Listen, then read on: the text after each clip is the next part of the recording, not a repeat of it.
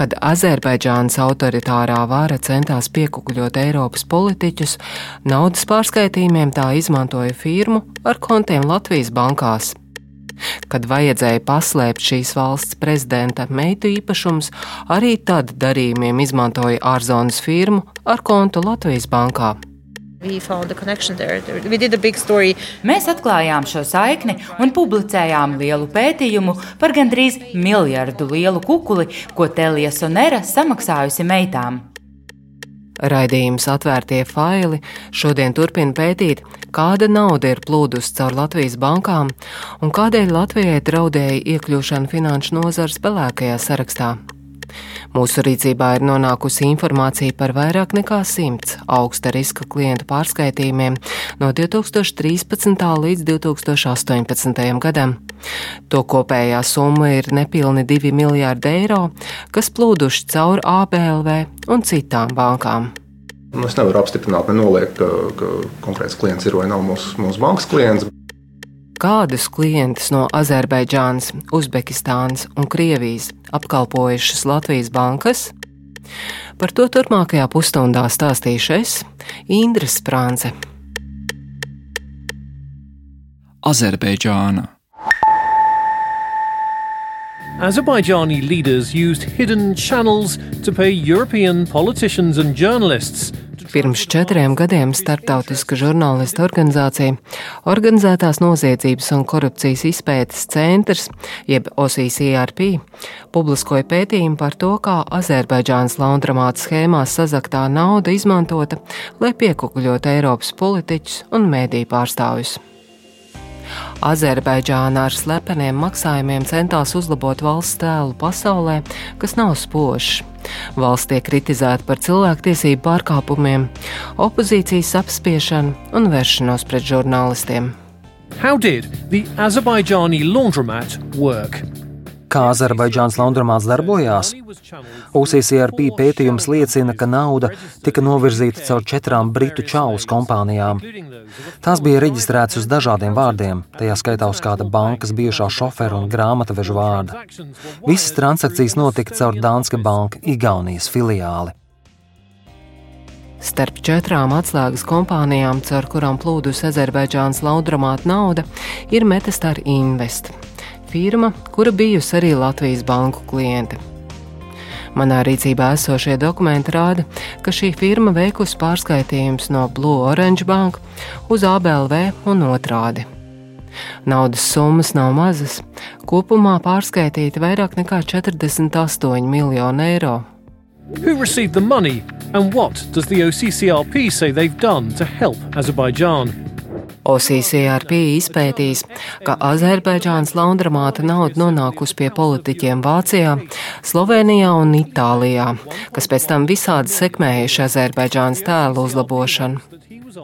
Transakcijas caur Latviju veikusi arī firma, caur kuru veikta Eiropas padomas parlamentārās asamblējas locekļa Lukas Volontes kukuļošana. Luka Volonte, Itālijas parlamenta deputāts un Eiropas padomas parlamentārās asamblējas loceklis, saņēma 2,6 miljonus ASV dolāru. OCCRP izpētījis, ka viņš balsoja pret Eiropas padomas parlamentārās asamblējas komitejas ziņojumu, kurā tika nosodīta tiesību pārkāpuma Azerbaidžānā. Itālis atalgot caur firmu, kura no ABLV kontiem uz kontu Blue Orange bankā saņēmusi 19 miljonus eiro. Šajā laundromāta skandālā vīda vēl vairāki klienti, kas izmantojuši Latvijas banku pakalpojumus. Viņu vidū ir privātpersona Džavats Marandi, Šim cilvēkam no ABLV kontiem uz kādu ārvalstu kredīti iestādi kopumā pārskaitīts 31 miljonus eiro. Javad Marandi is a business partner of the Aliyah family. Džavets Marandī ir Alījevu ģimenes biznesa partneris. Viņš ir partneris kompānijā Paša Construction, kas ir lielākais būvniecības uzņēmums. Viņš ir ļoti tūs Alījeva meitām. Mēs noskaidrojām, ka vienu no iegādātajiem īpašumiem Marandī nodeva pirmās lēdijas Mehribanas Alījevas brālēnam. Tā Latvijas radio stāsta organizētās noziedzības un korupcijas izpētes centra žurnāliste Miranda Patručiča. Prāvus pārskaitījums caur Latviju veicis vēl viens Azerbaidžānas prezidenta Lījeva ģimenei pietuvināts cilvēks - Nasips Hasānovs. Viņš no konta Citadelē kādam ABLV klientam pārskaitīs 16 miljonus eiro. With Nasib Hasanov, again, this is a person whose success Nasibs Hasanovs. Šī cilvēka veiksmes noslēpums ir labie kontakti ar valdošo ģimeni. Mēs zinām vismaz trīs gadījumus, kuros viņa izveidotas kompānijas vēlāk nonāk Alīģeva meitu rokās. Latvijas finanšu sektoru izmantojas arī Britu Virģīnu salās reģistrēta firma Caspian Telecommunication, ko saista ar korupcijā apsūdzēta Azerbaidžānas eksministra dēlu.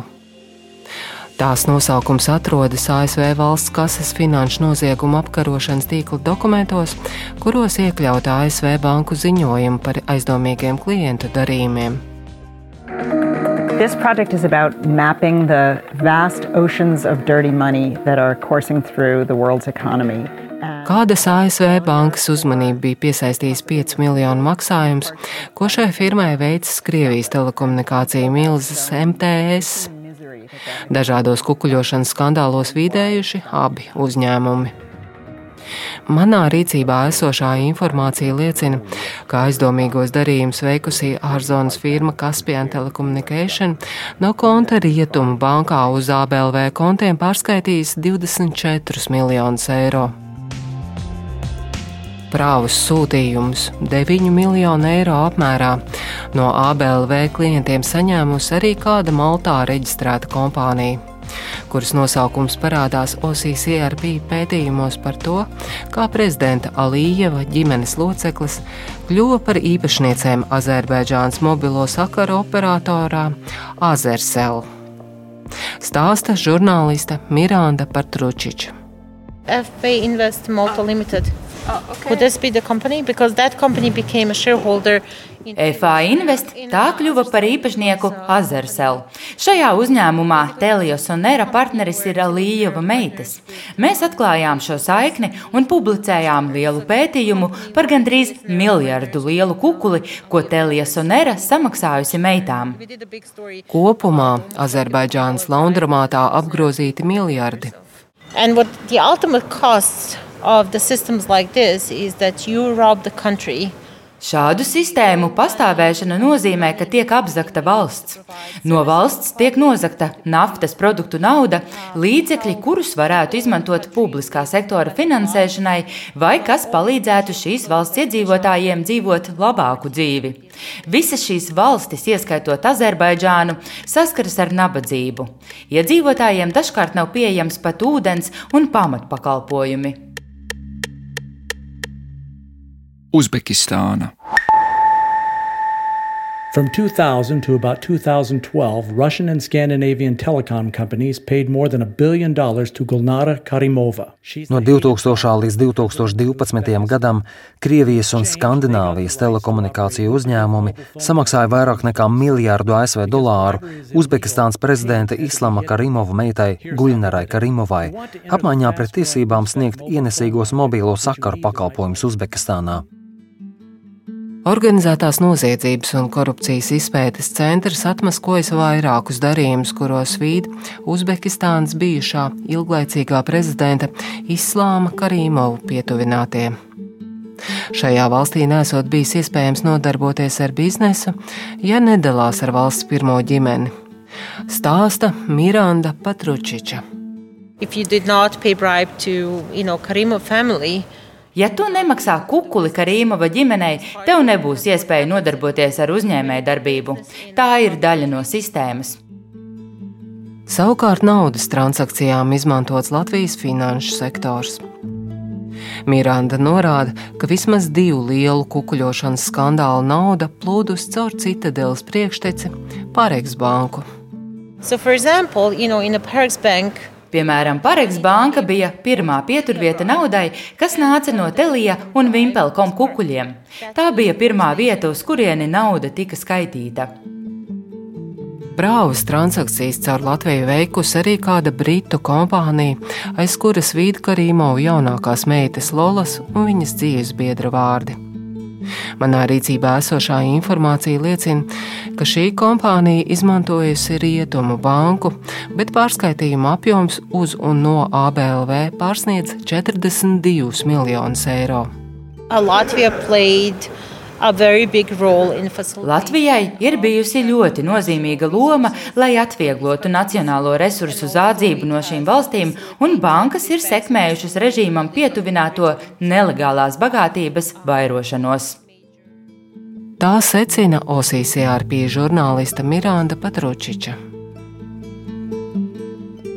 Lielu naudu pārskaitījusi arī firma, kas publiski izgaismojusies Igaunijas Svetbanka skandālā un par kuras patieso labumu guvēju uzskata Uzbekistānā dzimušo Iskanderu Makhmudovu.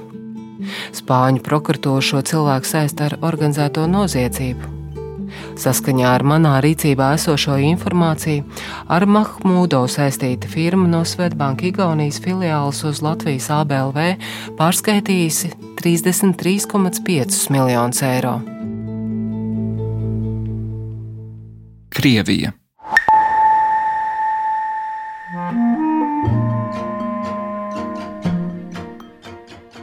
Manā rīcībā esošie dokumenti atklāja tikai nelielu daļu no Latvijas banku klientiem, kas veikuši miljoniem vērtas transakcijas uz un no ABLV. Tikai daži no šajā sarakstā esošajiem ir kādā veidā saistīti ar Krieviju. Taču starp citadeles klientiem bijusi Kaimana salās reģistrēta firma, par kuras patiesā labuma guvēju uzskata Krievijas oligārhu Sergeju Adonievu. Dažādu mediju publikācijās minēts, ka viņš darbojas Krievijas valsts uzņēmuma Rosceha vadītāja Sergeja Čemēzova interesēs. Pēc Krimas okupācijas ASV pret Čemēzovu noteica sankcijas. Starp Latvijas banku klientiem ir bijusi arī firma, kuras nosaukums izskanējis mediju publikācijās par ASV sankciju apiešanu pret ieroču ražotāju Kalašņikovu. Šī kompānija no Igaunijas Svetbanka filiāles uz Latvijas ABLV pārskaitījusi 24 miljonus eiro. Prāvus pārskaitījumus šeit veikusi arī firma, kuras patiesais labumu guvējs varētu būt bijušais Krievijas ministrs Mihails Abīzovs. Par viņa bagātībām video savulaik publicēja Aleksējs Navaļnīs. Формально это вилла Ильтезора, дословно сокровища – Formāli tā ir villa Il Tresoro, jeb tulkojumā dārgums Itālijas provincē Toskānā, bet viss, ko jūs redzat un ieraudzīsiet, ir Novosibirskas reģiona iedzīvotāju apmaksāts. Pirmo reizi jūsu ekrānos ir Krievijas ministra Mihaila Abīzova Itālijas rezidence. Abīzova pirms trījiem gadiem aizturēja par 4 miljārdu rubļu piesavināšanos. Firma, caur kuru piesavinātā nauda varētu būt atmazgāta, no Igaunijas Svetbanka pārskaitīs ABLV klientiem 10,2 miljonus eiro. Starp Svetbanka Latvijas filiāles klientiem bijusi arī Latvijā reģistrēta SIA, kuras patiesais labumu guvējs ir Krievijas oligarks Dmitrijs Mazēpins. Viņam kopā ar Latvijas oligarhiem Rīgas ostā pieder minerālu mēslu pārkraušanas termināls. Rīgas ostā šodien darbu sāka jauns, liels minerālu mēslu terminālis būve, kas pēdējos gados raisījusi nemazumu bažu gan uh, par to, vai Rīgai nedraud briesmas. Termināļa īpašnieks sabiedrībai sola Eiropas standartiem atbilstošu drošību un darba vietas, savukārt valdībai tiek solīti vērā ņemami nodokļu ienākumi. Kad pirms pāris gadiem Zviedrijas sabiedriskā televīzija publiskoja informāciju par aizdomīgiem pārskaitījumiem šajā Skandināvu bankā, sākās izmeklēšana. Svetbanka piesaistīja juristu firmu Clifford Chance neatkarīgai pārbaudē par Baltijas filiālēs notiekošo. Gala ziņojumā pārbaudas veicēja pievērs uzmanību arī mazēpienu apkalpošanai. Termināli Rīgas ostā kopā ar Mazēpinu uzņēmumu būvēja firmas, kuru īpašnieki bija neskaidri. Oficiālos papīros figurēja citi vārdi, bet bankas iekšējā saziņa liecināja, ka tā zināja, aiz tām stāv Latvijas politikas smagsvari. Pretēji noteikumiem banka viņiem liekus jautājumus neuzdeva. Mazēpina uzņēmums transakcijās uz un no ABLV pārskaitījis kopumā 130 miljonus eiro. Svetbank Latvijā apkalpojas arī firmu RZ Energy, kuras patiesie labumu guvēji tāpat ilgu laiku nebija skaidri zināmi. Vēlāk par īpašniekiem tika uzrādīti Monako iedzīvotāji. Mediju publikācijās par viņiem atrodamas saites ar Ukrāņu mafiju. Pētniecisko žurnālistu starptautiskā tīkla OCCRP Panamas dokumentu sērijas ietvaros publicētam rakstam par Rodas esmēra īpašumiem ir pievienots kāds apjomīgs dokuments. Tas ir Itālijas policijas 1998. gada ziņojums par Ukraiņu organizēto noziedzību. Tajā iekļauts arī dosie par Odesā dzimušo Leonīdu Miņinu, kurš vairākos pētījumos tiek devēts par starptautisku ieroču kontrabandistu. Sākotnēji ārzonas firmām, vēlāk Monako iedzīvotājiem piederošā RZ Energy, turpu šurpu starp Svetbanku un ABLV pārskaitījis kopumā 77 miljonus eiro. Svetbanka ir vienīgā no bankām, kas atsaucās Latvijas radio aicinājumam uz interviju. Runāt piekrita Juris Bogdanovs, kurš Svetbanka Baltijas filiālēs atbild par cīņu ar finanšu noziegumiem. Mājas darbu mēs izdarījām brīdī, kad, kad Finsam paziņojums par ABLV parādījās. Tur nav saistība ar Latvijas kriminālu procesiem vai tam līdzīgi. Un viens no secinājumiem tajā brīdī bija, ka īstenībā mūsu klientu bāzes ļoti maz pārklājās. Nav, nav tas darījuma apjoms bijis tik liels. Bogdānos stāsta, ka pamatdarbus klientu bāzes attīrīšanai veikuši pirms četriem, pieciem gadiem. Svetbanka gājas diezgan, diezgan uh, lielam pārmaiņu procesam cauri tieši, kas attiecās uz uh, iekšējo kontroli stiprināšanu, cīņai naudas atmazgāšanu. Tā skaitā ir pārstījusi arī sadarbība ar, ar lielu daudzumu klientu, kurus šobrīd varbūt tās vairs neatbilst mūsu riska apetītē. Ļoti uh, būtiskas daļas klientu, kas bija tā saukti augsta riska nerezidenti, pārtraucām sadarbību un izgājām no šīm attiecībām ārā vai banka bija fiksējusi manā rīcībā esošo firmu transakcijas kā aizdomīgus darījumus? Uz to saņem vispārīgu atbildi. Bijuši gadījumi, kad Latvijas un Finanšu izlūkošanas dienestiem sniegtas ziņas. Nav izslēgts, ka kāds darījums tajā brīdī netika pamanīts, bet uh, šobrīd ar šī brīža rīkiem mēs noteikti tādus darījumus būtu pakļaušu padziļinātai vērtēšanai. Bet uh, tas nenozīmē, ka toreiz uh, nu, netika nekas kontrolēts. Bija virkne darījumu, kur tika vērtēti, un nu, daļa no tiem uzņēmumiem, kas bija sarakstā, nu, jau bija reāla saimniecisko darbību. Savukārt Rietumbanka, līdzīgi kā pārējā šajā raidījumā pieminētās bankas, Latvijas radio interviju atteica. Un līdzīgi kā citas bankas, rakstiskajā atbildē norāda, ka likuma prasības ievēro un veic pasākums, lai naudas atmazgāšanu nepieļautu. Turpinājumā fragments no Rietumbankas atbildes kas attiecas uz jautājumu par finanšu sektora kapitālo remontu un biznesa modeļa maiņu, tad par to, tajā skaitā par sadarbības pārtraukšanu ar uzņēmumiem, kas tiek klasificēti kā paaugstināta riska klienti, kā arī par bankas īstenoto transformācijas procesu pozitīvo novērtēšanu no starptautisko partneru puses, esam ziņojuši vairāk kārt kopš 2018. gada. Par raidījumā atvērtie faili aplūkotajiem pārskaitījumiem nepilnu 2 miljardu apmērā viedokli lūdzu arī ABLV akcionāram Ernestam Bernim. Vai tā nav bijusi naudas atmazgāšana? Atbildi nesaņēmām. No intervijas bērns atteicās, bet viņa pārstāvis aicināja atbildi uz šo jautājumu meklēt pie ABLV likvidatoriem. Savukārt ABLV likvidātori rakstiski norādīja, ka viņiem nav tiesību komentēt konkrētu klientu lietas.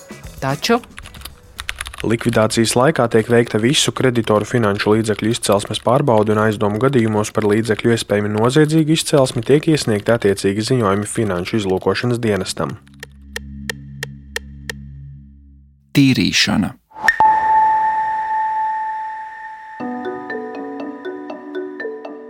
Visu sārakstu ar Latvijas radio rīcībā esošajiem klientiem nosūtījām arī banku uzraugam, Finanšu un Kapitāla tirgus komisijai. Arī FKTK nekomentē konkrētu personu darījumus konkrētās bankās, taču atgādina, ka bankām ir piemēroti sodi un doti uzdevumi pārkāpumu novēršanai. Turpina FKTK vadītāja Santa Purgēle tās mācības ir gūtas, ja, un, un gūtas ļoti smagas. Mēs esam visi, teiksim, melnām mutēm strādājuši, lai sakoptu un satīrītu to visu, kas bija ārpus Latvijas aizgājis. FKTK pārstāvjiem uzdod tieši jautājumu, vai komisijas rīcībā ir bijusi informācija par šiem starpbanku pārskaitījumiem un ko regulators ar to ir darījis. Atbildi sniedz FKTK naudas atmazgāšanas novēršanas departamenta direktors Kristaps Markovskis. Mūsu mērķis bankā ir pārbaudīt iekšējo kontrolas sistēmu, nu, cik viņa ir efektīva, vai banka ir veikusi riska novērtējumu, vai viņiem ir darbinieki, kuri var veikt šīs pārbaudes, vai viņiem ir IT sistēmas, lai viņi identificētu aizdomīgos darījumus. Un līdz ar to mēs šos klientus vairāk izmantojam nu, tam saucamam sample testingam, jeb kā piemērs, lai apskatītos, kā sistēma ir strādājusi. Līdz ar to Nav tā, ka mēs pārbaudām visus pilnīgi klientus, ejot pārbaudē, bet mēs, protams, izvēlamies no riskantākajām grupām, lai paskatītos, kā kopumā strādā banku iekšējā kontrolas sistēma. Pēdējo trīs gadu laikā pārbaudas ir bijušas visās paaugstināta riska bankās. Ja esam piemērojuši gan sodus, gan arī prasījuši bankām pilnveidot šīs iekšējās kontrolas sistēmas. Tur ir izstrādāti pasākumu plāni, lai viņus novērtu. Pēc tam ir veikti vēl neatkarīgi auditi, lai apstiprinātu, ka šie plāni ir atbilstoši ieviesti, īstenoti. Pēc Panamas dokumentu publiskošanas atsevišķu pārbaudi, vai tajās minētās personas izmantojušas Latvijas finanšu sektoru, FKTK gan nesot veikusi. Mēs pastījāmies bankas, kuras ir šajā sarakstā, vai mēs esam pie viņiem bijuši pārbaudē par konkrēto periodu. Ja mēs esam bijuši pārbaudē un pārbaudījuši iekšējo kontrolas sistēmu, konstatējuši trūkumus, par to banka ir sodīta un tagad viņi ir pilnveidot, nu, taisīt vēl vienu pārbaudi, nu, tam nav, nav nozīme. Jo, nu, ja mēs, mēs jau divreiz tos... sodīt tāpat nevarēsim nevienu. Taču FKTK esot lūgusi bankas pašas novērtēt situāciju.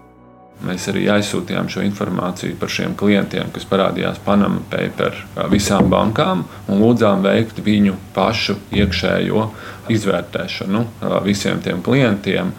Lai banka būtu pārbaudījusi un izvērtējusi. Un tad lūdzām arī informēt, nu, jā, vai šie klienti ir bankā vai nav. Un es varu apstiprināts, nevar pateikt procentuāli, ka ar lielāko daļu šo klientu darījuma attiecības uz to brīdi, kad mēs sūtījām tos pieprasījumus, jau bija izbeigtas. Šādi rīkojušies arī citu valstu uzraugi. Nu, tā ir bijusi kopējā arī citu uzraugu pieeja, ka mēs skatāmies iekšējo kontrolas sistēmu, skatāmies, kā mēs viņus varam ielikt pārbaudas plānos, vai esam bijuši. Nevis, ka mēs skrienam tagad kā uzraugi pakaļ katram klientam. FKTK uzskata, ka situācija šobrīd vairs nav salīdzināma ar to, kas notika pirms pāris gadiem. Par to liecina kaut vai tas, cik ļoti samazinājusies naudas plūsma.